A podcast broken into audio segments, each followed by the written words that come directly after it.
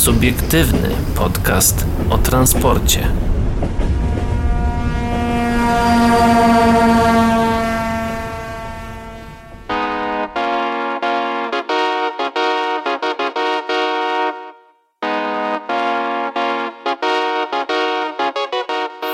Cześć wszystkim, mamy dzisiaj 7 lis, yy, Boże, listopada, stycznia 2021 roku.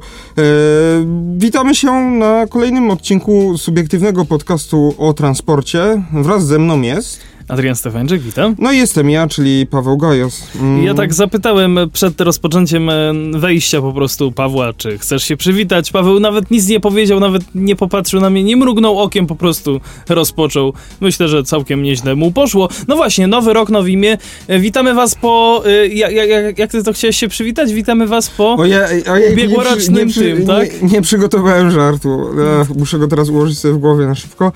E, no, e, przepraszam oczywiście za długą przerwę, jako że ostatni nasz odcinek był w zeszłym roku. E, postaramy się nadrobić, popracować nad no, regularnością. Musieliśmy, musieliśmy trochę odpocząć po ostatnim odcinku tak, zeszłego tak, roku, tak, tak, tak wprost więc. mówiąc. Dobra, w tym roku na pewno będzie tak samo. Miałeś jak... zachować pokerową twarz, po prostu się nie zaśmiać. Przepraszam. Ech. W tym roku jednak będzie mm, tak samo jak w ubiegłym, czyli będzie nudno, smutno i nijako, nie, żart żartuję, będzie cały czas tak samo, czyli całkiem nieźle, myślę. Więc e, zobaczymy, jak PKP Intercity podsumowuje inwestycje taborowe. E, sprawdzimy również punktualność w przewozach pasażerskich w roku 2019. To dotyczy oczywiście raportu Urzędu Transportu Kolejowego tak e, o podtytułem Przyczyny opóźnień i odwołań pociągów i ich wpływ na funkcjonowanie przewozów pasażerskich. Tak, kolej, wie, przepraszam, koniec wielkich nadziei taborowych z lat 90. No właśnie, temu również się przyjrzymy. No i na koniec zobaczymy, czy auto autostrady pożarły Ameryka... E, jak autostrady pożarły amerykańskie miasta i dowiemy się, dlaczego je budowano. No właśnie, właśnie, właśnie. A my teraz y, wracamy do Łask. Y, Miejscowość Łask. Do Łaska. Nie, bo ja chciałem zrobić taki żart, wiesz, Aha, ojejku, że wracamy do łask, bo to no śmieszne, dzisiaj, bo... dzisiaj widzę, że podcast komediowy, jeden żart za drugim. Kolejny Sypią się jak z rękawa po prostu. kolejny co, jeszcze gorszy od drugiego. Tak? tak, słuchajcie, i następny jest tak niespodziewany, że po prostu przywali po prostu... Żaden, tak. ża żaden, podcast, żaden inny podcast nie da, dam, nie da wam dwóch sucharów jeszcze w, w samym ciągu, wstępie. Tak, w, w, ciągu, w, samym wstępie. W ciągu samego początku. No właśnie, wracamy do łask. Łask, bałagan z nazwami przystanków kolejowych. Przystanek kolejowy znajdujący się formalnie na terenie Łasku nosi nazwę Kolumna, zaś stacja mająca adres Wiewiórczyn nazywa się Łask. Skąd wzięły się takie nieścisłości i dlaczego po pół wieku, y, po, mm, dlaczego pół wieku po zmianie granic miasta nie zaktualizowano terminologii kolejowej? Modernizacja linii numer numer 14 pomiędzy Łodzią Kaliską a Zduńską Wolą była okazją do uporządkowania nazwy przystanków kolejowych na terenie Łodzi. Stacja, która nosiła wcześniej nazwę Lublinek, została przemianowana na Łódź Lublinek co oznaczało przeniesienie na sieć kolejową zmian administracyjnych z 1988 roku. Wtedy obszar miasta powiększył się, ale ówczesne polskie koleje państwowe zmieniły nazwę jedynie przystanków na innym przyłączonym e, do Łodzi osiedlu Andrzejowie. Dowiemy się, że stacja w Lublinku... Znajdu... Dodajmy. Dodajmy też, że stacja w Lublinku znajduje się w pewnym oddaleniu od dawnej wsi o tej samej nazwie, która została przyłączona do Łodzi już w 1945 roku. W mieście Łodzi, gdzie wszystkim się powodzi, przy tej samej linii, na tym samym objętym modernizacją odcinku leżą jeszcze dwa przystanki o nazwie nieprzystającej do aktualnego podziału administracyjnego. Pierwszym z nich jest Kolumna. Położony jest on na terenie Łasków dzielnicy Kolumna. No, Ciężko się nie domyślić.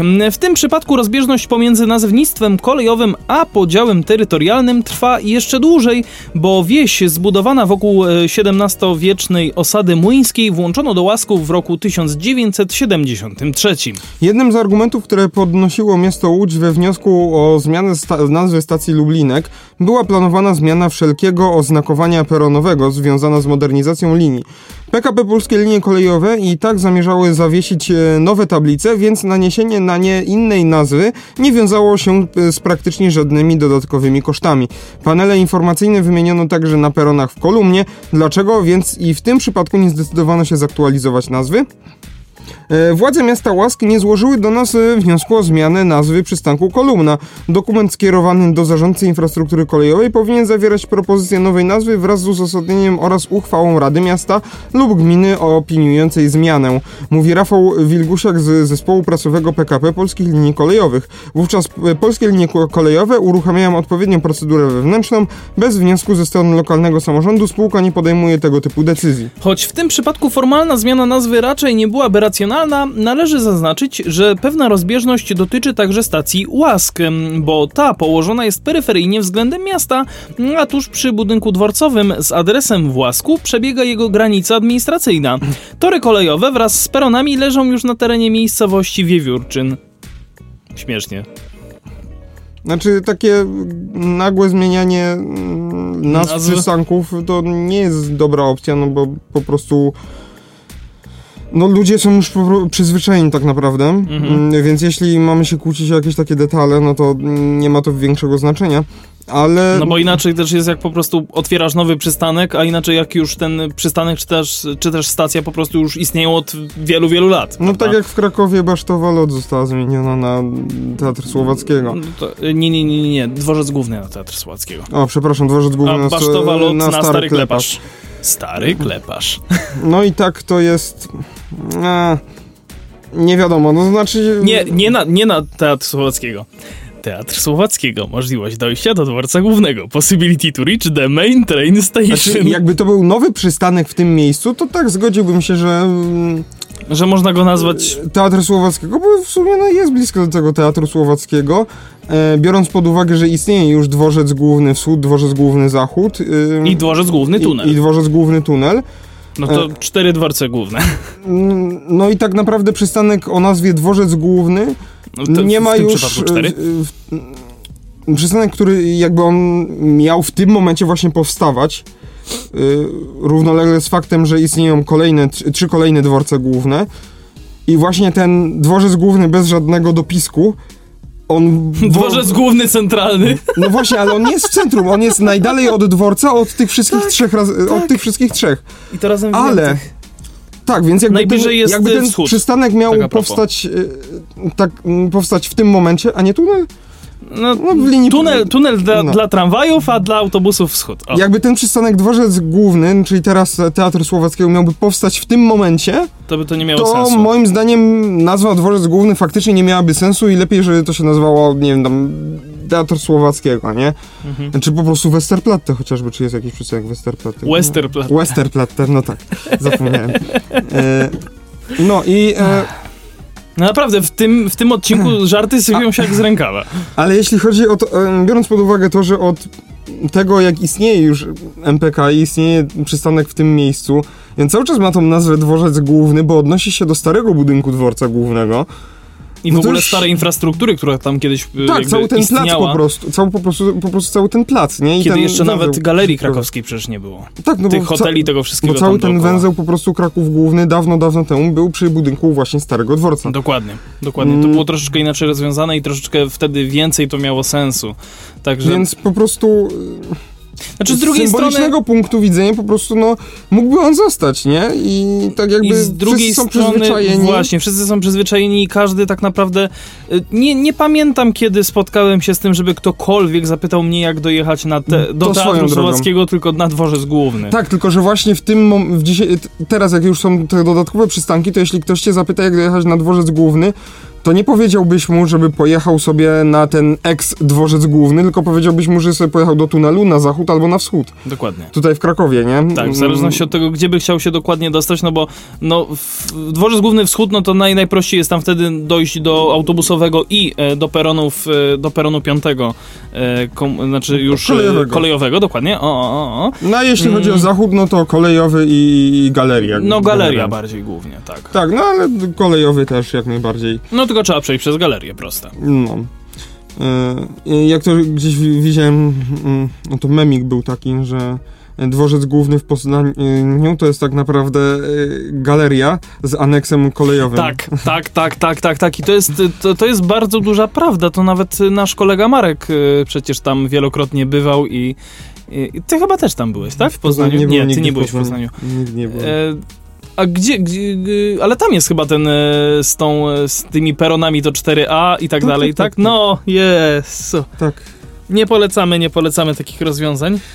E, Tymczasem PKP Intercity podsumowuje inwestycje taborowe. Mm, W nowy rok przewoźnik wszedł z zakontraktowanymi umowami o łącznej wartości ponad 5 miliardów złotych brutto. PKP Intercity odebrało już 46% pojazdów zaplanowanych do zakupu lub modernizacji w realizowanym programie e, PKP Intercity Kolej Dużych Inwestycji. Epidemia spowodowała chwilowe zatrzymanie e, trendu stałego wzrostu liczby pasażerów, który obserwowaliśmy na kolei od kilku lat. E, Przemyślane i konsekwentnie realizowane inwestycje, takie jak te prowadzone przez PKP Intercity, są niezbędne do szybkiego powrotu kolei na ścieżkę wzrostu. Dzięki nim polska kolej staje się bezpieczna, komfortowa i przewidywalna, zapewnia Andrzej Adamczyk, minister infrastruktury, cytowany w komunikacie. Przewidywalna. Hmm. Pochyliłbym się nad tym na chwilę, ale to za chwilę. Dowiemy się. Ale to za dowiemy chwilę, się. tak. Najpierw przeczytajmy dalej.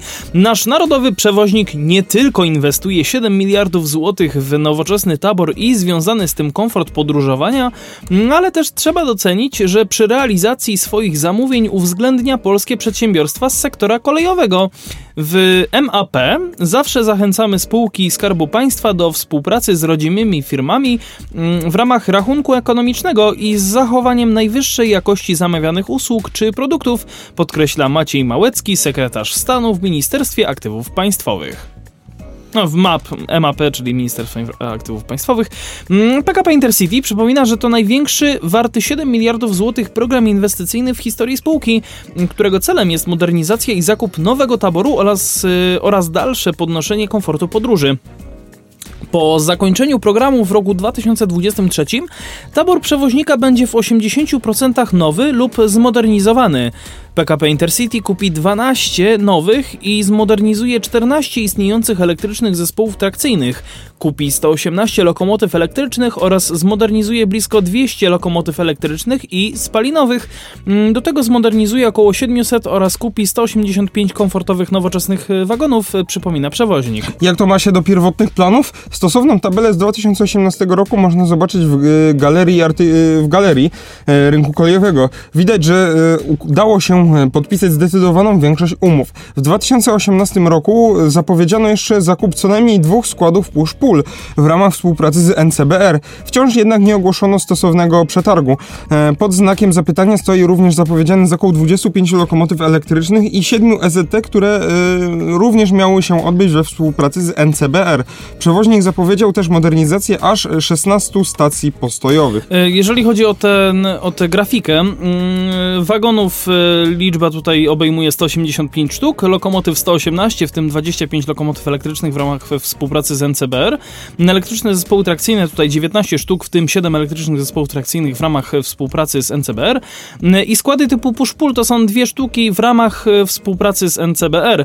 Jeżeli chodzi o modernizację posiadanego taboru i stacji postojowych, mm, no to wagonów jest to aż 700 sztuk, lokomotyw blisko 200 i elektrycznych zespołów trakcyjnych 14 sztuk. Niestety nie jestem w stanie wyświetlić całej tej grafiki z tego względu, że ona się tutaj delikatnie przycięła i nie wiem czy to... Nie, nie jestem w stanie jej zobaczyć całej. Nie wiem, coś się zepsuło i, i, i nie było nas słychać, to powtórzymy jeszcze raz wynik e, wyborczy. Dobra, E, nie? Jak podsumowuje przewoźnik, w 2020 roku zakończono realizację dwóch kontraktów o wartości ponad miliarda złotych brutto. E, Do, do Intercity trafiło 30 najnowocześniejszych w Polsce lokomotyw elektrycznych serii EU160 Griffin, które dla przewoźnika wyprodukowała firma Nevax z Nowego Sącza. Nowe pojazdy prowadzą już pociągi w całej Polsce, rozwijając prędkość do 160 km na godzinę. Wartość kontraktu wynosiła 551,5 miliona złotych brutto. Flotę przewoźnika wzmocniło również 125 komfortowych wagonów zmodernizowanych przez bydgoską PESE w ramach zamówienia wartego blisko 470 milionów złotych brutto.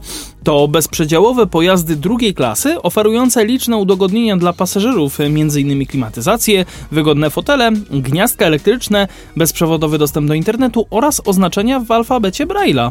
Do przewoźnika trafiło także 10 wagonów 140 AB zmodernizowanych E, przez 145 AB. 145AB, zmodernizowanych przez e, fabrykę pojazdów szynowych e, Hipolita Cegielskiego w Poznaniu na wagony restauracyjne.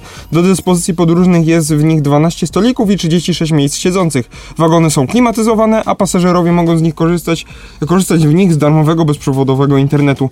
E, wartość umowy wynosiła 61,5 miliona złotych brutto. To łącznie w 2020 roku PKP Intercity odebrało ponad 130 unowocześnionych wagonów. W ramach strategii taborowej flotę przewoźnika wzmocniło już e, łącznie blisko 340 wagonów po modernizacji. Tuż przed świętami Bożego Narodzenia PKP Intercity po podpisało wartą ponad 540 milionów złotych brutto umowę z konsorcjum Zakłady Naprawcze Taboru Kolejowego Mińsk Mazowiecki oraz PESą na modernizację kolejnych 125 wagonów. Tym samym wartość podpisanych umów przekroczyła 5 miliardów złotych brutto, mm, a pierwszy wagon zmodernizowany ma trafić do przewoźnika pod koniec bieżącego roku. We wrześniu ubiegłego roku natomiast przewoźnik podpisał wartą niemal 200 milionów złotych brutto umowę z oleśnicką firmą Olkol na modernizację 20 lokomotyw elektrycznych serii EU EP07. Modernizacja obejmie m.in. zwiększenie maksymalnej prędkości pojazdów ze 125 km na godzinę do 160 km To na chodzi godzinę. o, chodzi o modernizację do wersji E EU07A i E EP07A. A, mhm. Em, 2021 rok przyniesie pierwsze efekty innych umów taborowych podpisanych na przestrzeni ostatnich kilkunastu miesięcy. PESA modernizuje dla przewoźnika wagony w ramach jeszcze dwóch kontraktów wartych razem blisko 560 milionów złotych brutto. Obejmują one unowocześnienie e, łącznie 120 pojazdów. PKP Intercity odebrało już pierwsze wagony z tej puli. Mm, Kolejne będą systematycz- systematycznie trafiać do przewoźnika w trakcie dw- 2021 roku. Ja tylko chciałem się tutaj zatrzymać na sekundkę. PKP Intercity odebrało już pierwsze wagony z tej push puli. ojejku, taki żarcik już słowny. drugi rękaw, czy pierwszy się jeszcze nie wyczerpał? Jeszcze nie, jeszcze pierwszy nie. Dopiero drugi rękaw mam zostawiony na, na drugie wejście. W najbliższych miesiącach park taborowy przewoźnika zaczną wzmacniać także pierwsze z 81 nowych wagonów, które w ramach e, wartego niemal 700 milionów złotych brutto kontraktu dla Intercity wyprodukuje hipo, e, wyprodukują zakłady Hipolita Cegielskiego e, w Poznaniu. Wagony wyposażone m.in. we wzmacniacze sygnału komórkowego, Wi-Fi, gniazdka elektryczne oraz indywidualne oświetlenie będą przystosowane do prędkości 200 km na godzinę i będą włączane do pociągów kategorii Express Intercity. E, Ta dostawa jest opóźniona. Pierwsze wagony miały być w ruchu już w 2020 roku. Za opóźnienie przepraszamy. W 2021 roku flotę przewoźnika wzmocnią także elektryczne zespoły trakcyjne. Zgodnie z harmonogramem Intercity odbierze pierwsze dwa z 14 wagonów serii E ED74, które zmodernizuje konsorcjum PESY i jej spółki ZNTK Mińsk Mazowiecki e, w ramach wartego 275 milionów złotych brutto zamówienia. Chodzi oczywiście, mm, jeśli się nie mylę, to są te, które leżały w krzakach w, e, w Bieżanowie, w Krakowie. Całkiem możliwe, to tak, są tak, oczywiście tak. To jest, pojazdy e, oczywiście ED74. ED74, tak, czyli e, no, słynne pesy bydgostie. Em, W drugiej połowie 2021 roku do przewoźnika trafią także pierwsze dwa z 12 EZ-ów typu Flirt z miliardowego kontraktu zawartego e, przez przewoźnika w sierpniu 2019 roku ze Stadlerem. Pociągi będą dostosowane do prędkości 160 km na godzinę, co pozwoli efektywnie wykorzystać, e, przepraszam, e, no tak, w sumie wykorzystać zmodernizowane linie kolejowe. Mm, Będą także wyposażone w system ETCS zapewniający najwyższe bezpieczeństwo podróży. Także no, nowe flirty, całkiem spoko opcja. Zresztą nawet ostatnio jechałem takim flirtem do Warszawy, tam przez Kielce, wiadomo, Kraków, Olsztyn głównie taka dosyć śmieszna trasa, strasznie długa. Mm. 4,5 godziny do samej Warszawy. Troszkę długo, troszkę długo, lepiej jednak telką jechać te 3,5 godzinki. No, blisko, bl- blisko e, czasowo do Pendolino, który jedzie tam 2,40, także... W najbliższych miesiącach PKP Intercity planuje otwarcie ofert y, w przetargu na modernizację 90 wagonów typu y, TO41A i 111A e, oraz wykonanie naprawy okresowej na piątym poziomie utrzymania z odnową 40 wagonów typu e, Z1. Dodatkowo pod koniec grudnia 2020 roku otwarto oferty przetargowe na modernizację 14 wagonów typu 111ALUX i 112ALUX. No takie E, luksy. Mm, Przewoźnik planuje podpisać kontrakty y, na zakup 10 manewrowych s- lokomotyw spalinowych oraz 10 z opcją na dodatkowych 5 pojazdów elektrycznych lokomotyw wielosystemowych. No tak, bo ilość lokomotyw wielko, wielosystemowych w Intercity to jest trochę żart, z czego około połowa jest w naprawie. Em, Ups. PKP Intercity e, prowadzi także dialog techniczny z potencjalnymi producentami na dostawę składów push-pull. Po opracowaniu dokładnej specyfikacji pojazdu przewoźnik zaprosi potencjalnych dostawców do złożenia ofert. Zapraszamy. no, mm, jest, jest tych cyferek dużo, nie będziemy tutaj ściemniać. Mm, Te, te, te No wszystkie to wygląda inwestycje, tak, no to podsumowanie całkiem, całkiem No sympatyczne. tylko szkoda właśnie, że nie ma jeszcze tych lokomotyw wielosystemowych, a mi się wydaje, że to by było bardziej konieczne na już. E, Tak, tak żeby- samo te składy push-pull chociażby. No jestem w ogóle ciekawy, kiedy Intercity al, mm, się zdecyduje na w ogóle wagony dwupiętrowe. Mhm, mhm, mhm. E, chyba tylko koleje mazowieckie mają je, tak? Dobrze myślę? Tak, tylko No. koleje mazowieckie mają. To jeden skład właśnie w push-pullu. Mhm. tych kolei, tych pociągów, y, wagonów piętrowych. E, Znaczy nie, jeszcze w Polregio jeżdżą, ale to one okazyjne, te no, bipy całe tam, Myślałem, te, że te, bonanzy. te sprawy, czy bonanzy właśnie. E, tak, to są raczej Nie, bonanzy. bi, nie, bonanzy to są, nie, nie, nie, bipy, bonanza bipy? to jest inna. No tak, y, Gagar z E, BIP, Boże, te sprawy. Tak, tak, tak. E, właśnie- Pozdrawiamy pewną grupkę kolejową. Ojejku, tak. Mikole się ze... Mm, tak. Nie, bonanza to t- oczywiście też jest klasyk wagonowy, że tak powiem, ale to nie, nie, nie, To- to, to nie nie, to, to nie, nie o to mi chodzi. No ale całkiem spoko i tak, że ta współpraca z Narodowym Centrum Badań i Rozwoju tutaj gdzieś kwitnie. Mm, Dobra, a teraz y, zaczniemy sobie, pewnie dokończymy na drugim wejściu jeszcze, właśnie Tak o tym jest. raporcie UTK y, o punktualności w przewozach pasażerskich. Y, No my tak to przeglądniemy, oczywiście zapraszamy Was do wejścia na y, stronę urzędu utk.gov.pl i tam w raportach nawet y, na, będzie cała analiza. na początku nawet jest bardzo e, obszerne, że tak powiem, e, podsumowanie troszeczkę e, tego Tak. całego raportu przez pana doktora inżyniera Ignacego Górę, czyli prezesa Urzędu Transportu Kolejowego, ale tego oczywiście nie będziemy e, wam przekazywać. y, ja już tutaj zacznę z grubej rury, czyli o, e, no... To jest mm, fajnie Punktualność u najlepsza była... w ogóle przewoźników jest Tak. bardzo fajnie. Przepraszam, że ci Paweł wchodzę w słowo. Punktualny, punktualność ogólnie była najwyższa w pierwszym kwartale 2019 roku. Tak, przypomnijmy, że to Tak. jest 2019 rok. Tak, czyli poprzedni. Nie 2020, tylko jeszcze wcześniej. Tak, ym, więc y, pierwszy kwartał to jest y, trzy- 93%, no i potem ta punktualność liniowo spadała y, aż do czwartego kwartału, no bo piątego już nie ma, do 91%. No raczej Około. ciężko byłoby mieć 5 kwartałów. Tak, tutaj mamy e, też, e, też można zobaczyć sobie dokładną, dokładną co do miesiąca, taką szczegółową analizę tego. No na, najmniejsza punktualność była w październiku, 80, 89%. Em, Liczba pociągów uruchomionych e, punktualnych oraz opóźnionych. No to najwięcej pociągów zostało uruchomionych, z tego co, mi, co tutaj widzę, to w miesiącu lipcu. To jest 151 351 pociągów. Oczywiście punktua- i punktualnych pociągów, y, no mim- mimochodem było w tym samym miesiącu, bo 117 993 było punktualne, a opóźnionych było właśnie w październiku, e, tak jak mówiłem wcześniej, czyli 40 40 317, tak. Em, Całkiem sporo. No ale październik, no umówmy się, że to jest takie po prostu przed zimą przygotowanie, więc może tam gdzieś po prostu wydarzyły wiem, się różne może. rzeczy. Słuchaj, to było rok temu, znaczy w sensie, no to, to można tak liczyć w sumie rok temu, więc ciężko to jednak wy, tak spamiętać, co, co tam się działo. Jeżeli chodzi Aha, o to co średnią... mi mówiłeś, e, to co UTK zmieniło e, właśnie klasyfikację tych opóźnień, bo Na zauważ... poszczególnych przewoźników Pod spodem, ale pod spodem rysunek piąty, średni czas opóźnień i jest podział na dla opóźnień Tak. powyżej 5 dzi- minut i 59, sekund, tak, czyli opóźnienie się liczy dopiero od 6 minut. Tak. Ty, mm, y, o, ta, to, to było zmienione chyba pod koniec 2018, jak dobrze dwa- pamiętam. chyba tak, tak, Tak. się wydaje. Średnia liczba w ogóle uruchomionych pociągów w E, przeliczeniu Jeszcze, na czek- dni... jeszcze czekaj, tylko ta średnia, właśnie w, w y, sierpniu e, w- dla wszystkich opóźnień e, ta Czekaj, średnia czekaj, była... robisz? e, rysunek piąty. e, Już? Bo ja chciałem jeszcze o czwartym powiedzieć. A co jest w czwartym?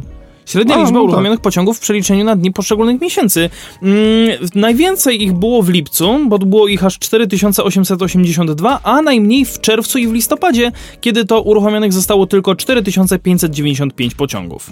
To tak przy okazji. Mm, No właśnie, i co do tych średnich opóźnień, no to y, średnie opóźnienia łącznie wahały O, się... czekaj, czekaj, czekaj, czekaj, przepraszam, że ja ci tak prze- przerwę, ale w przypadku opóźnień przekraczających 60 minut pasażerom przysługują rekompensaty. Wynika to z artykułu 17 rozporządzenia Parlamentu Europejskiego i Rady WE. E, Przepis ten obowiązuje wyłącznie w odniesieniu do opóźnień krajowych pociągów dalekobieżnych oraz wszystkich międzynarodowych pociągów w przejazdach pomiędzy krajami Unii Europejskiej. No, Nawet nie wiedziałem o tym. Niezależnie od unijnego systemu rekompensat, pasażerowie wszystkich rodzajów pociągów mają także możliwość dochodzenia odszkodowań z tytułu naprawy szkód spowodowanych opóźnieniem pociągu na podstawie kodeksu cywilnego. Oj!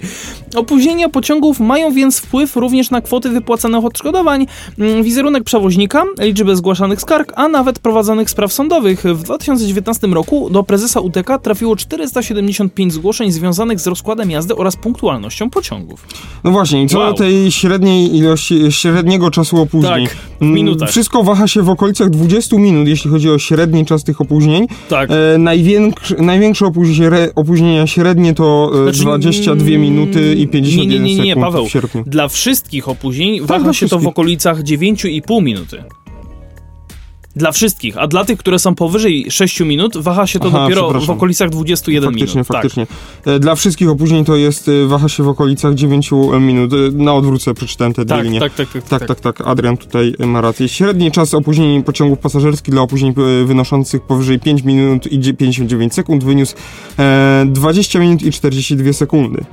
Mm, Gdzie to masz? pod spodem tekst. A, rzeczywiście, tak. Liczba pociągów... No to średni. Liczba... Natomiast największy, przepraszam, Mhm. przepraszam, największy w sierpniu to jest 22 minuty i 51 sekund y, przy tym, e, przy tych opóźnieniach powyżej 6 minut e, i najkrót, jakby najmniejsze opóźnienie było w, jak dobrze teraz widzę, w maju 19 minut i 28 sekund. E, jeśli chodzi o liczbę pociągów odwołanych, no to największa ilość e, to w czerwcu, aż 1894. Najmniej w kwietniu. 713. 713. Najbardziej punktualnym przewoźnikiem w 2019 roku było WKD. WKD.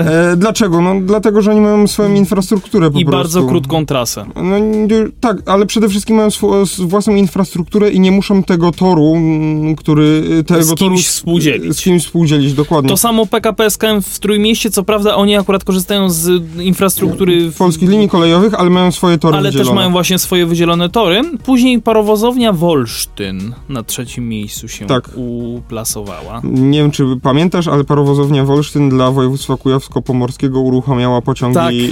e, regular, regularne pociągi. Tak, tak, tak. Jeżeli chodzi natomiast o przewoźników... Wiesz, ale- e, Jak mało pociągów, i im mniej pociągów uruchomisz, tym mniej masz szans na opóźnienie, więc, Big Brain. więc tutaj właśnie e, Wolsztyn, no też jest wysoko, dlatego. Dlatego jest wysoko. puszczali chyba dwa pociągi dziennie tylko. Jeżeli chodzi o największe, e, o, naj, o trójkę największych, że tak powiem, opóźnie... O, o, no, Spóźnialski. Spóźnialskich, dokładnie. To jest PKP Cargo na trzecim miejscu od końca, PKP Intercity na drugim i Cargo Master na pierwszym e, z punktualnością wynoszącą 74,15%. Ła! Wow, nie wiedziałem, że cargo jest punktualniejsze od Intercity. No, to jest w ogóle szokujące. O 1%, nawet mniej, o 0,3%. Ehm, O masakra.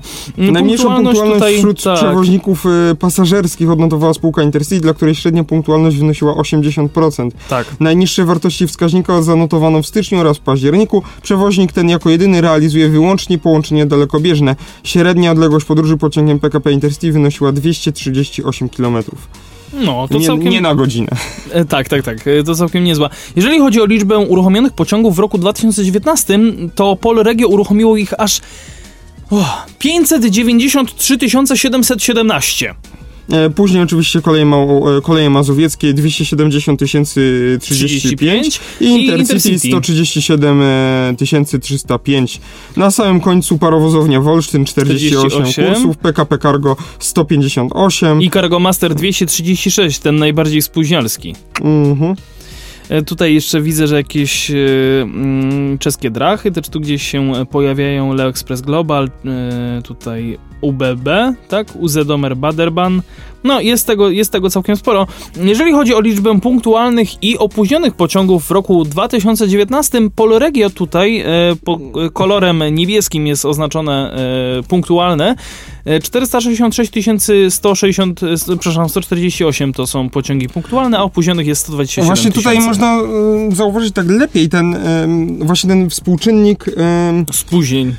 spóźnień do punktu, e, pu- punktualnych pociągów do wspóźnień, czy na odwrót. em, No i właśnie Polregio no, uruchomiło dużo pociągów, więc dużo pociągów się spóźniło, e, ale właśnie wyróżnić moim zdaniem trzeba nie tego, nie te, tych przewoźników, którzy są na samym górze, ale tych, którzy mają największy czerwony, e, niebieski pasek, a jak najmniejszy czerwony, czyli ten z opóźnieniami. Dlatego PKP SKM w Trójmieście, no to tutaj 194 595 uruchomionych i tylko 1500 z hakiem od, e, opóźnionych. Jeżeli chodzi o WKD, 58 943 uruchomione i punktualne, a 283 nieco spóźnione. Jeszcze zobacz na przykład na koleje wielkopolskie, 63 396 uruchomione i opóźnione niecałe 10 tysięcy.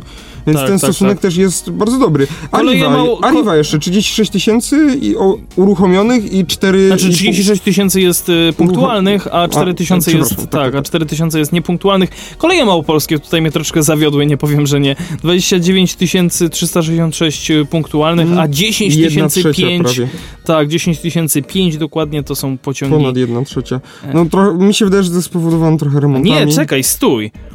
Liczba No. pociągów punktualnych to jest niebieskie, a liczba pociągów uruchomionych to jest czerwone, co? Ojejku. Coś tu jest chyba nie tak. Jak może być więcej pociągów... Punktualnych niż uruchomionych. Może chodzi o Ale, to, że są ale przeczytaj, ty, przeczytaj tytuł po prostu, ktoś musiał się pomylić. Punktualnych i opóźnionych. Tak, myślę, że ktoś po prostu E, tak, pomylił. bo tytuł wyk- wykresu jest, y, brzmi liczba pociągów punktualnych i opóźnionych. Na, są, mm, serie danych są podpisane jako liczba pociągów punktualnych i liczba pociągów uruchomionych. Możemy teraz y, przejść do było, kolejnej... było Ctrl-C, Ctrl-V po prostu. Prawdopodobnie tak. Y, Tabela numer dwa. Ta, dane o liczbie pociągów i zatrzymaniach na stacjach pośrednich y, w roku 2019 na sieci PKP PLK. Mm, Arriva tutaj ma średnią liczbę zatrzymań na jeden pociąg 13 i średnie opóźnienie dla pociągu opóźnionego powyżej 6 minut to jest 16 minut i 32 sekundy. Jeżeli chodzi o współczynnik punktualności na stacjach pośrednich, no to tutaj jest on całkiem wysoki, ale nie najwyższy, bo Najwyższy 95,10. ma... ym, przecinek 10. y, Tak, najwyższy ma oczywiście Parowozownia Wolsztyn, 99,07%. Przecinek koma to jest to samo. No to przecinek. E, średnie opóźnienie wynosiło tylko 8 minut, także całkiem nieźle, ale No, ale pociągów uruchomili uruchomionych jest 108. 48, a zatrzymań Aha, pociągów na stacjach jest 48. 108, tak. I średnio y, zatrzymań na jeden pociąg to są dwa, także. Tak, y, punktualność u poszczególnych y, przewoźników. No właśnie. Jedziemy dalej. Rzućmy okiem, co tu tutaj jest ciekawego. Jakieś tabelki, to pomińmy, to nas nie interesuje. Y, Arriva, mm, Mm. liczba, y, właśnie... y, y, a tutaj już trochę się powtarzamy. Mm, Zobaczmy może właśnie na przykład y, jakichś innych przewoźników, albo to tutaj rodzaj A, bo tutaj są przyczyny Mm. opóźnień pociągów danego, danych przewoźników. Możemy zrzucić okiem, co tam w kolejach małopolskich. Właśnie, właśnie szukamy. Albo jakichś wybranych, że tak powiem. No na pewno, no, na pewno te nasze małopolskie byśmy Koleje małopolskie, tak. To jest... Strona y, 28. Tak, mam Liczba właśnie. uruchomionych pociągów to jest 39 371, odwołanych zostało 221. E, Współczynnik punktualności w roku dwa- 2019 to jest, e, tutaj spoglądam, 91,88%. Całkiem spoko. E, Średnie opóźnienie dla pociągów opóźnionych na stacji końcowej od 6 minut to jest 15 minut i 19 sekund, a średnie opóźnienie na stacji końcowej dla wszystkich opóźnionych pociągów to jest zaledwie 6 minut i czter- i 48 sekund. To tak E, nie najgorzej. Oczywiście z początkiem roku 2019 ta punktualność była najgorsza, 81% y, w zaś, styczniu. w styczniu zaś najwyższa była w kwietniu e, 97. 97%. Średni czas opóźnienia to y, tutaj widzę. Wow. Wow, wow, wow, wow, wow. E, Jeżeli do 5 minut, to 3 minutki. Jeżeli między 5 a 60 minutami, to średnio 14 minut. E, Opóźnionych między 60 minutami a 120, 120 to jest 81 minut. I opóźnienie powyżej 2 godzin to jest aż 139 minut. No i najwięcej było I opóźnień... takich, takich opóźnień, przepraszam tylko, że, że ten, takich opóźnień powyżej 2 godzin było aż 6 No ale w ciągu roku. w ciągu całego roku.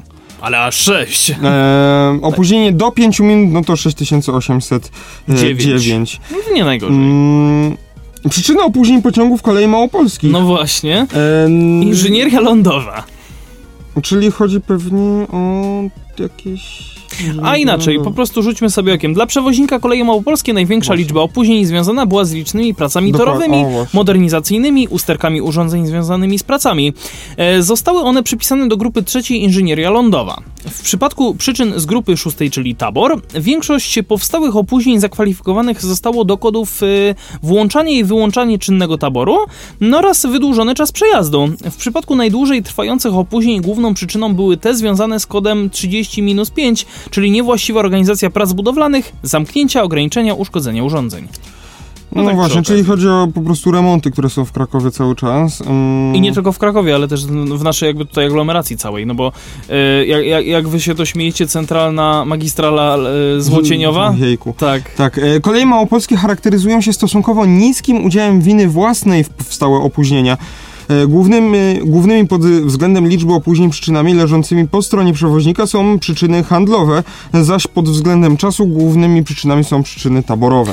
No właśnie, ale tutaj jeszcze spoglądamy, co tutaj ciekawego jest. Y, Przewoźnik kolei małopolskie charakteryzował się wskaźnikiem punktualności pociągów na stacjach pośrednich w 2019 roku na poziomie 92,7%, na średnia długość opóźnienia w przypadku pociągów opóźnionych powyżej 6 minut wyniosła 14 minut i 5 sekund. Średnio na stacji Kraków Główny ten przewoźnik zatrzymywał się, uwaga, 95 razy na dobę. To całkiem, Hmm. całkiem sporo. Ja tutaj szukam kolejnego przewoźnika, którego mógłbym, że tak powiem, To ja jeszcze uznać szybko- za wybranego. To ja już... jeszcze szybko powiem o średniej liczbie zatrzymań pociągów w dobie na poszczególnych stacjach. E, Tak jak już wspomniałem, na Krakowie Głównym było to 95 na dobę, na Krakowie Płaszowie tutaj 62, w Bieżanowie 61, na Zabłociu 57, e, w Prokocimiu 56, w Bochni 40, Brzesko-Okocim 39, Tarnów oraz Tarnów-Mosice również y, i Kłaj tutaj również po 39 z średnich e, zatrzymań dobowych. Ja już przeniosłem się w dobie. międzyczasie do e, strony 48, e, Mhm. czyli PKP Intercity. O! Naj, punktualność przewoźnika em, przy opóźnieniach powyżej 6 minut, em, no to punktualność była najniższa w styczniu 77%, no i najwyższa była w listopadzie 84%. Tak. E, Jeśli chodzi o opóźnienia do 5 minut, to były tylko 3. E, od 5 do 60 minut 20, od 60 do 120 minut 83. Odwrotnie, odwrotnie, odwrotnie. Średni czas opóźnienia, czyli Tak, do, średni 5, czas do opóźnienia. 5 minut to są 3, Trzy minuty, minuty. średnio. Czyli takich opóźnień Aha, średnio powiedziałem 3 tego, minutowych tak, to jest dobra. 20,5 tysiąca. Tak, tak, tak, nie powiedziałem no, no, tego. no, no, no. E, opóźnienie, średnie opóźnienie w widełkach 5 do 60 minut to jest 20 minut, e, w widełkach 60 do 20 minut to Do jest osie- 120? do 120 minut to jest 83 minuty, no i powyżej 2 godzin to 187 e, minut. Ja tylko chciałem powiedzieć, że wskaźnik punktualności PKP Intercity w roku e, 2019 to 80 i 72, dziesią- e, 72%. E, Jako główne przyczyny opóźnień wskazano zdarzenia z grupy 6 tabor, e, punkt trzeci inżynieria lądowa oraz punkt ósmy przyczyny zewnętrzne. Analizując szczegółowo przyczyny opóźnień według ich kodów, najwięcej przypadków opóźnień związanych było z niewłaściwą organizacją prac budowlanych, zamknięcia, ograniczenia, uszkodzenia urządzeń. Kod 30 e, e, myślnik Minus 5 pięć, tak. e, naprawą lub wymianą e, na wskutek awarii, e, w tym korzystaniem z pomocy innych lokomotyw. O, Em, Również opóźnieniami wtórnymi? na sieci polskich linii kolejowych spowodowanymi przez zdarzenia przypisane zarządcy, e, od którego przyjmujemy, przyjmowany jest pociąg. E, No i wydłużonym również czasem przejazdu i późnym zgłoszeniem gotowości do odjazdu oraz lokowaniem podróżnych z powodu dużej liczby pasażerów. O, nawet nie wiedziałem, że takie kody tutaj są, że tak powiem. tak, An- czyli e, po prostu jeśli dużo pasażerów wsiada albo jeszcze ktoś dobiega, bo czasami tak jest, że już pociąg ruszył, Albo ewentualnie jeszcze, jak to się mówi, skomunikowanie z jakimiś innymi pociągami. to jest nie? chyba już inny kod. Tak, E, a, mi się wyda- tak mi się wydaje. Mm, no tutaj patrzę, czy albo jest coś takiego, samo. ale chyba, chyba tego nie Albo ma. może być to samo, nie wiem, nie jestem pewny. Albo też czasami są takie sytuacje, gdzie już pociąg rusza, no ale kierownik zobaczył jeszcze wschod, y, patrz, wychylając się przez schodek, że ktoś dobiega, no to powiedział, żeby Żeby się wstrzymać. wstrzymać jeszcze i... i Wstrzymać i zatrzymać. My też się teraz musimy trochę wstrzymać, żebyście Mhm. też chwilę mogli odetchnąć bez naszego gadania. E, słuchacze Radia Nowinki oczywiście usłyszą e, krótki utwór muzyczny, a, a, a, a, a, mm, jak to się mówi? A e, słuchacze podcastów, no to jak, jak zawsze mm, nasz, nasz standardowy, nasz ulubiony dżingielek. E, przypomnijmy jeszcze Facebooka, facebook.com slash o transporcie, facebook.com slash radionowinki, tam możecie się z nami kontaktować. E, myślę, że numeru telefonu raczej do redakcji nie będę podawał, bo to nie ma sensu. Mm, nowinki małpapeka.edu.pl i nasze Instagramy, to tam już w opisie każdego podcastu na pewno je znajdziecie.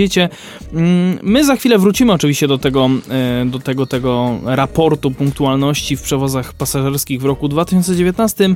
E, no, cóż, no chyba pora zaprosić na, na, na tę przerwę w końcu, Mhm. nie? Ja się tak trochę rozgadałem, bo chcę dobić idealnie do 40 minuty i chyba mi się to nie uda, nie wiem, może chcesz coś jeszcze, Paweł, dodać? No, dodam tyle, że y, właśnie...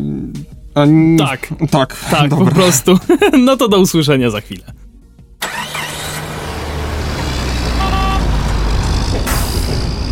Subiektywny podcast o transporcie.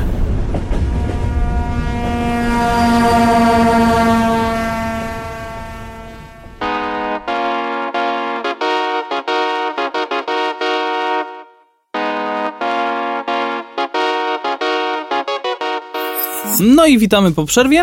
Wracając do naszego raportu, em, e, co do Intercity, stacjami, na których zakodowano największą liczbę opóźnień pociągów przewoźnika były stacje Warszawa Wschodnia, Zachodnia oraz Poznań Główny. Pod względem czasu opóźnień pociągi Intercity odnotowywały największe opóźnienia na stacjach Warszawa Wschodnia, Poznań Główny oraz Kraków Główny. Warszawskie stacje są jednymi z kluczowych pod względem liczby zatrzymań. Ponad 200 razy dziennie pociągi przewoźnika PKP Intercity zatrzymywały się na stacjach Warszawa Wschodnia, Warszawa Zachodnia oraz Warszawa Centralna.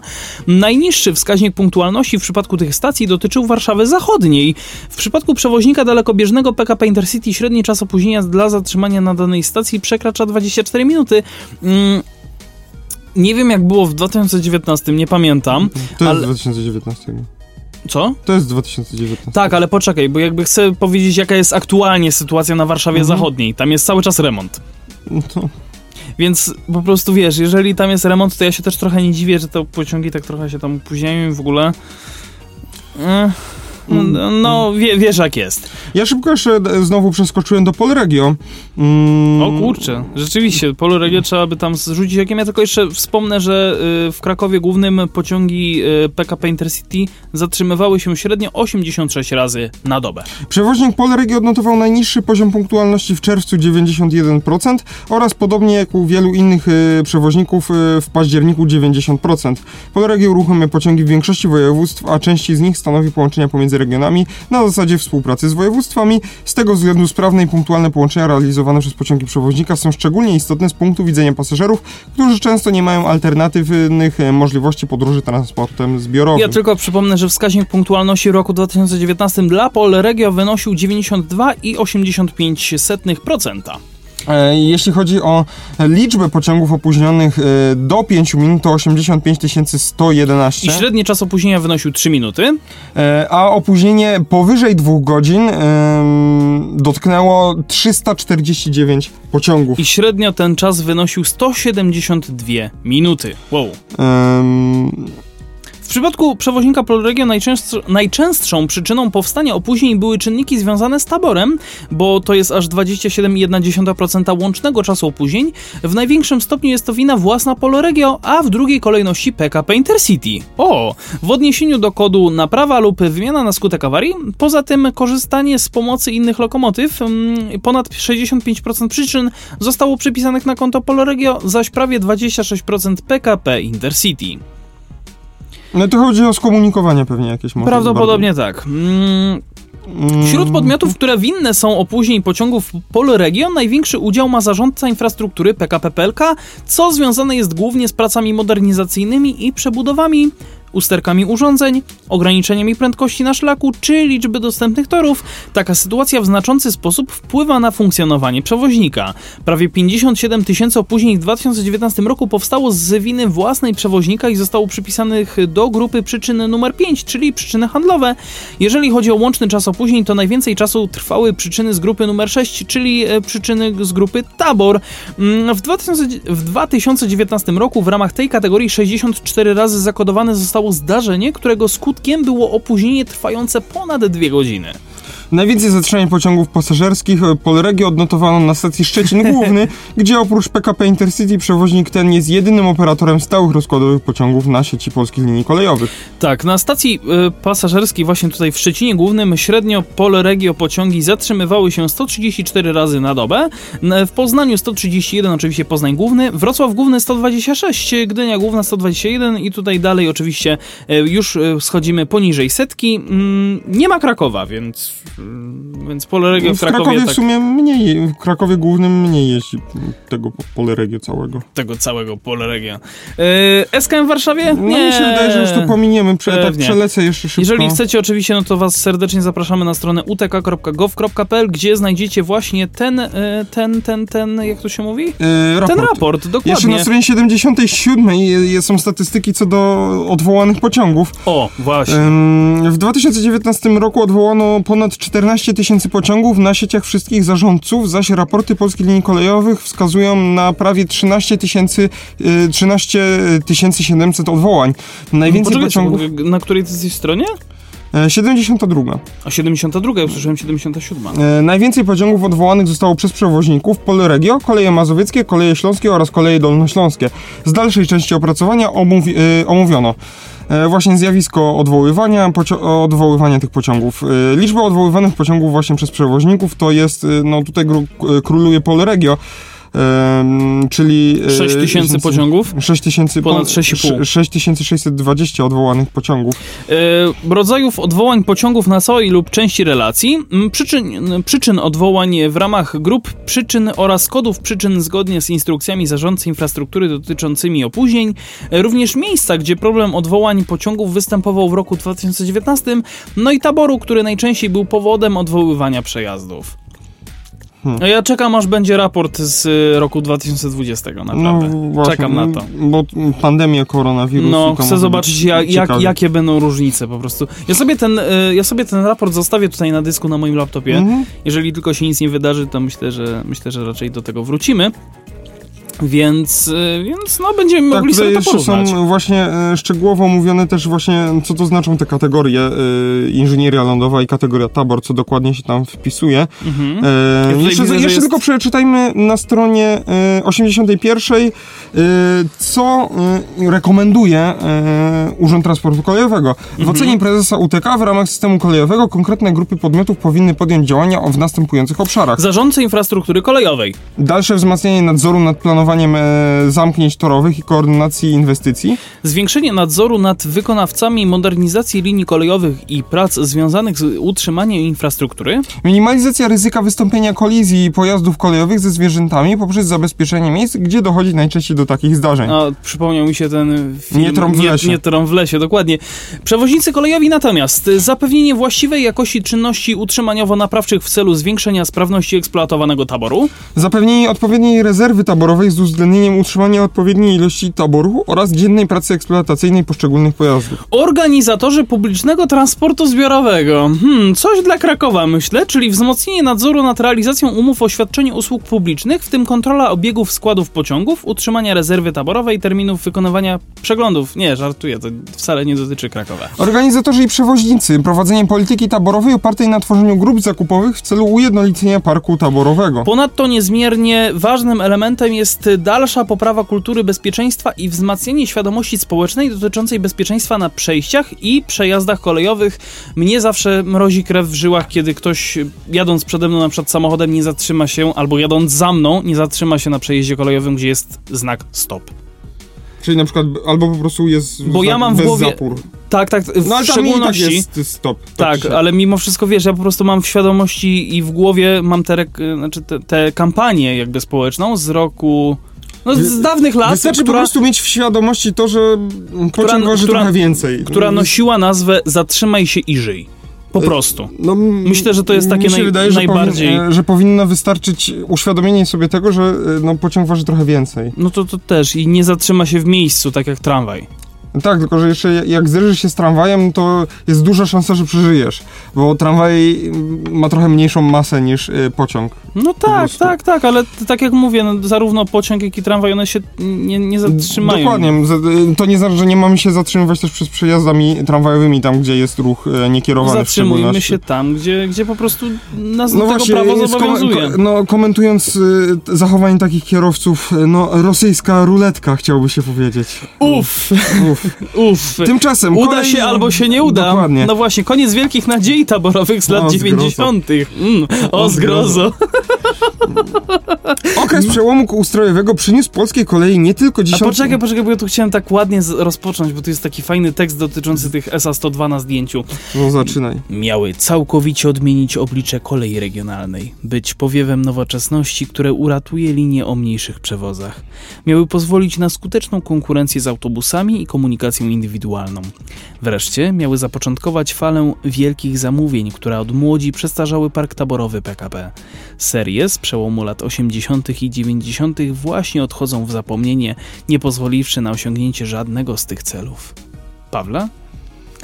E, Okres przełomu ustrojowego przyniósł polskiej kolei nie tylko dziesiątki szeroko opisywanych problemów z koniecznością o wiele e, silniejszego mm, konkurowania z transportem drogowym na czele, ale też e, wielkie nadzieje PKP rozpoczynały wówczas eksploatację szeregu serii pojazdów pasażerskich, które miały być szansą na zachowanie ruchu regionalnego przy jednoczesnym nadrabianiu technicznych i organizacyjnych zapóźnień.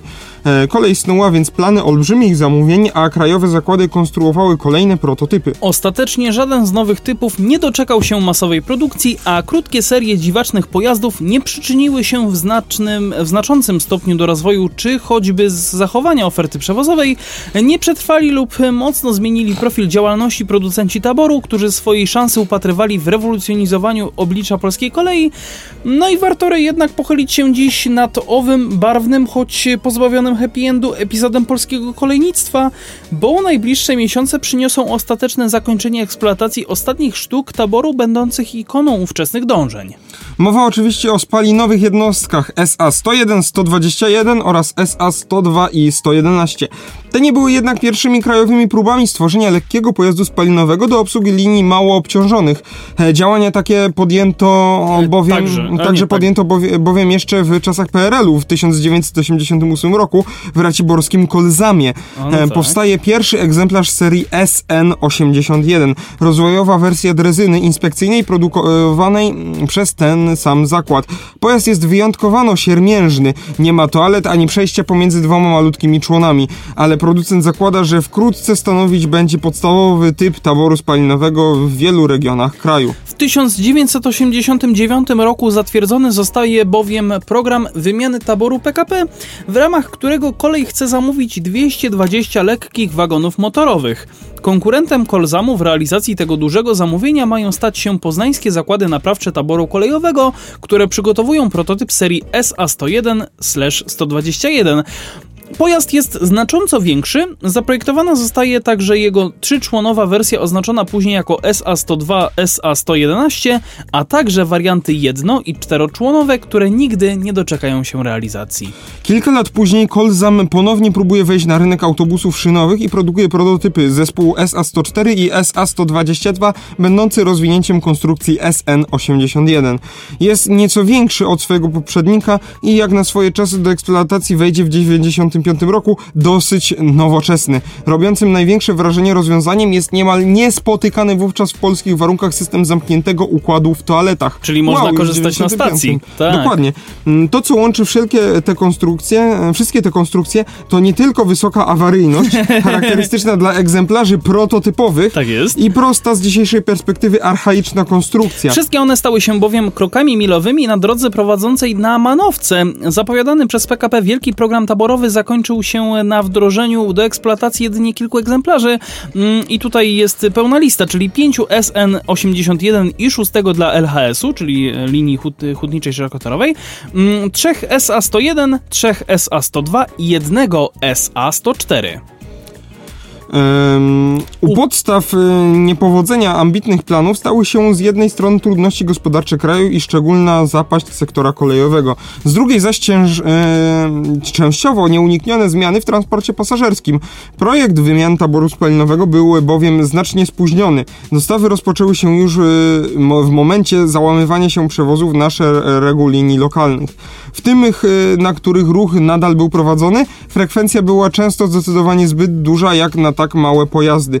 E, Trudno byłoby więc znaleźć na- dla nich e, konkretną rolę. Kiedy zaś szynobusy zaczęły mieć w ruchu regionalnym rzeczywiste znaczenie, pojedyncze egzemplarze kilkunastoletnich wówczas serii były zbyt archaiczne, by pasować do wizerunku nowoczesnego rozwiązania forsowanego przez prężne samorządy. Cała dwunastka opisywanych pojazdów zwiedziła więc niemal cały kraj. Dziwaczne prototypy, nie, nie, prototypy nieskutecznie ratowały linię Poznań-Pniewy-Gorzów Wielkopolski i Chełmów-Łodawa, wjeżdżały na Białoruś przez maleńkie przejście w Czeremsze, kursowały na podjeleniogórskich trasach do Lubawki i Lwówka Śląskiego, obsługiwały trasę do portu lotniczego Kraków-Balice w dobie największych problemów taborowych Małopolski, reaktywowały również połączenie między Tomaszowem Mazowieckim a Opocznem, no i tam jest jeszcze tego naprawdę dużo, dużo więcej.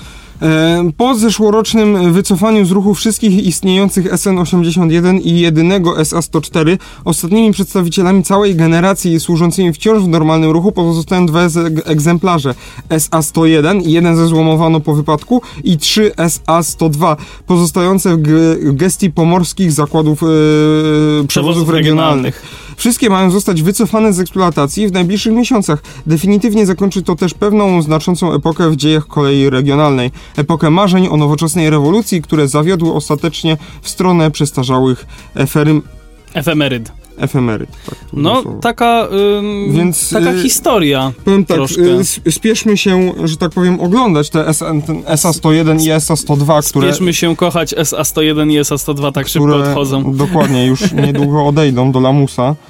i pójdą na żyletki. Mm, A my teraz y, przeniesiemy się jeszcze szybko na, y, do Ameryki, do Ja- Stanów Zjednoczonych. Tak, tylko do. e, Tak, tak, tak. Do auto, o, opowiem o autostradach, które. Pożarły amerykańskie miasta. Dlaczego je budowano? No właśnie, dlaczego budujemy autostrady? Najważniejszym czynnikiem jest zazwyczaj poprawienie skomunikowania regionu czy nawet kraju oraz poprawienie płynności ruchu na danym regionie. Jednak w Ameryce na przestrzeni lat powody do tego były znacznie inne. Do tego w sprawie wyznaczania dróg szybkiego ruchu nie każdy głos był równy. Jakie są tego skutki? Dawno, dawno temu w odległej Ameryce większość osób codziennie do pracy jeździło tramwajem. Dziś 84% każdego dnia w tym celu korzysta z samochodu. Powodów tej zmiany w... i, śmierci śmierci tramwajów tramwajów. było wiele. Jednym z największych była realizacja tzw. Inst, e, Interstate Highway System, czyli planu budowy między, międzystanowych autostrad, którego wartość osiągnęła 425 miliard, miliardów euro. Lata 50., 60. i 70. dla Stanów Zjednoczonych to silny rozwój autostrad. W tym czasie powstało około 48 tysięcy mil dróg tego typu. Pomogły one w skomunikowaniu terenów miejskich i wiejskich, jednak same miasta zdecydowanie ucierpiały. Przecież, żeby zbudować autostradę, potrzebny jest y, duży teren, którego w zatłoczonych miastach brakowało. Dlatego wyburzano i dzielono, a także odgradzano za pomocą wielkich tras, często na wysokich estakadach. E, Kto tak naprawdę najbardziej optował za realizowaniem wielkiego planu budowy dróg? Em, Były to przede wszystkim koncerny paliwowe oraz producenci samochodów. Nie pasowało im, że główny udział w komunikacji miejskiej miały w tamtych czasach ekologiczne tramwaje. Potrzebowali oni, dru- o, oni dróg, po których Amerykanie będą jeździć samochodami, które te firmy wyprodukują, napędzanych mi paliwem, które będą napędzane ich paliwem. No właśnie, to jest to, o czym mówiliśmy kilka tygodni temu. E, jeśli chcecie szczegóły, mm, e, szczegóły całego tego upadku, e, jeszcze poczytać i sobie poszerzyć swoją wiedzę, polecam reportaż Olgi Gitkiewicz pod tytułem Nie zdążę, gdzie no, w pierwszy, na pierwszych stronach tego reportażu no właśnie jest opisany upadek Tramwajów. tramwajów, i to jak Amerykanie no Troszkę chcieli być hop do przodu, ale no teraz się okazuje, że jednak samochody nie są takie najlepsze. takie super. Początki tej sytuacji sięgają 1930 roku. Wtedy m.in. General Motors i AAA e, stworzyły National Highway Users Conference, czyli grupę, która wywierała nacisk na państwo w celu doprowadzenia do skutku międzystanowego planu budowy autostrad. E, Grupa ta wymyśliła, że będzie dobrze, kiedy budowa dróg dostanie rangę obowiązku publicznego. Pierwszym Pierwszym krokiem było uczynienie dróg bezpłatnymi, ale do tego konieczna była zmiana systemu ich finansowania. Stowarzyszenie Koncernów Samochodowych uznało, że pieniądze na budowę dróg publicznych można pozyskać z opłaty paliwowej. Dzięki temu można było nazwać nowe e, trasy Free Roads, czyli bezpłatne drogi, co ostatecznie e, zostało zmienione na dzisiejsze Freeways. Jednak e, tak naprawdę żadna droga nie była za darmo. Pierwszym dokumentem, który zawierał plany amerykańskich władz, władz co do budowy systemu dróg był uchwalony w 1939 roku Toll Roads and Free Roads. Jednak jaką korzyść miały one z budowania autostrad? No, pierwszym była poprawa skomunikowania tak dużego kraju jak USA, za którą zapłacą w dużej mierze mieszkańcy. Druga, która okaże się później, było, która pokaże się później, było wysiedlanie niewygodnych mieszkańców za pomocą budowania węzłów autostradowych w miejscach ich zamieszkania. Kiedy wielkie drogi dotarły do aglomeracji miejskich, nie były budowane przez urbanistów, którzy w tamtych czasach ledwie istnieli. Planowali je inżynierowie, którzy nie zważali na funkcjonowanie tkanki miejskiej. Dodatkowo swój wkład w wyznaczanie przepisów tras miały władze, e, które nie zawsze lubiły wszystkich swoich mieszkańców. Dotyczyło to w dużej mierze Afroamerykanów i innych imigrantów. Nowe autostrady planowano tak, aby zmuszały do ich wysiedlenia lub odgradzały od reszty społeczeństwa. Przez to jednak wzmogła się przestępczość. W dużej mierze na trudnych do kontrolowania przedmieściach dodatkowo oddzielanie niektórych dzielnic pozostawało do dziś i teraz ten problem zaczyna być zauważany. Korzyści tak, było... Oczywiście chodzi o... O oddzielanie niektórych dzielnic, które pozostało do dziś. Korzyści było oczywiście znacznie więcej, między innymi należał do nich rozwój gospodarczy, którego jak uważano przez wiele lat motorem było budowanie właśnie tych wielkich dróg.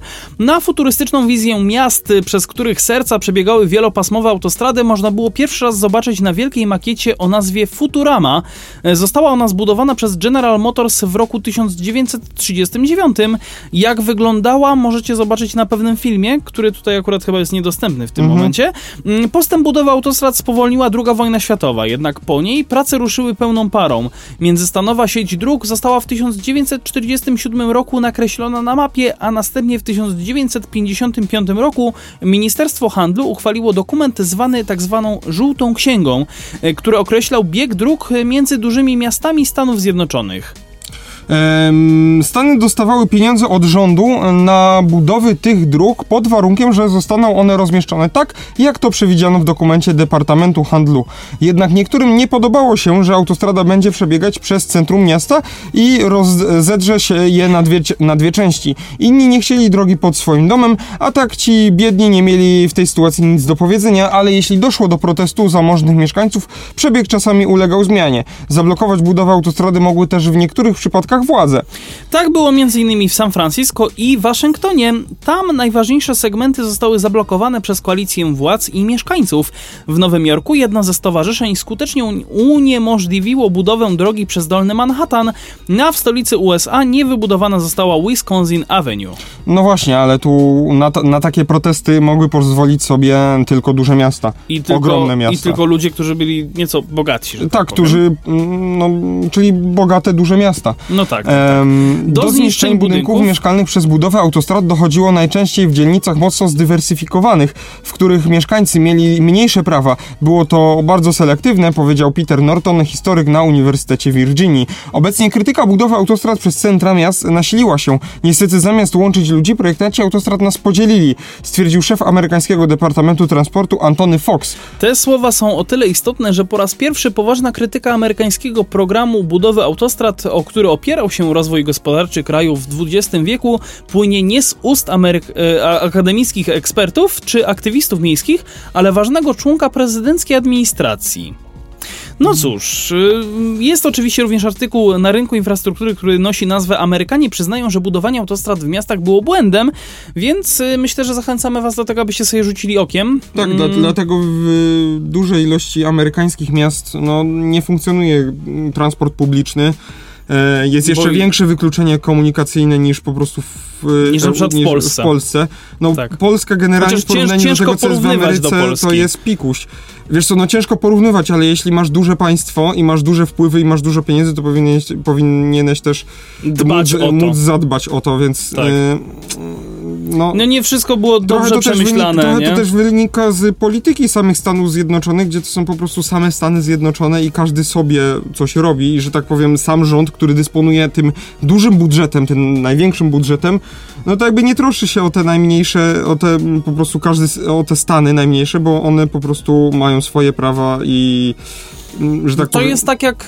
no jest yy, trochę in... To jest tak jak odpowiedzialność w większych firmach. Że po prostu ci najbardziej na górze nie mają, że tak powiem, nie mają, że tak powiem, obowiązku po prostu nawet. zajmowania Znaczy, się tymi, którzy są najniżej. mają, tak? ale właśnie, nie wiem, tak mi się wydaje, tak to rozumiem, że no, że te Stany mają dużą niezależność y, od y, rządu i przez to, że mają dużą niezależność, no to rząd, który dysponuje dużą ilością pieniędzy, nie czuje się, e, nie Zobowiązany. poczuwa się, nie czuje się zobowiązany, no, pomagać im e, w budowaniu tego transportu publicznego, aczkolwiek w tamtych czasach, no, po prostu ten transport publiczny nie był modny, bo, no, wcześniej był, ale no, przez General Motors i inne e, koncerny paliwowe ten, no, była wprowadzona moda na autostrady i samochody. Tak, a my wprowadzamy modę na nasz subiektywny podcast o transporcie, który właśnie dobiega końca. Zapraszamy Was na Facebook facebook.com slash o transporcie, a za dzisiejsze spotkanie dziękuję Wam. Paweł Gajos, I Adrian Stefańczyk. Do usłyszenia w przyszłym tygodniu standardowo o godzinie 20 na antenie Radia Nowinki. Cześć! cześć!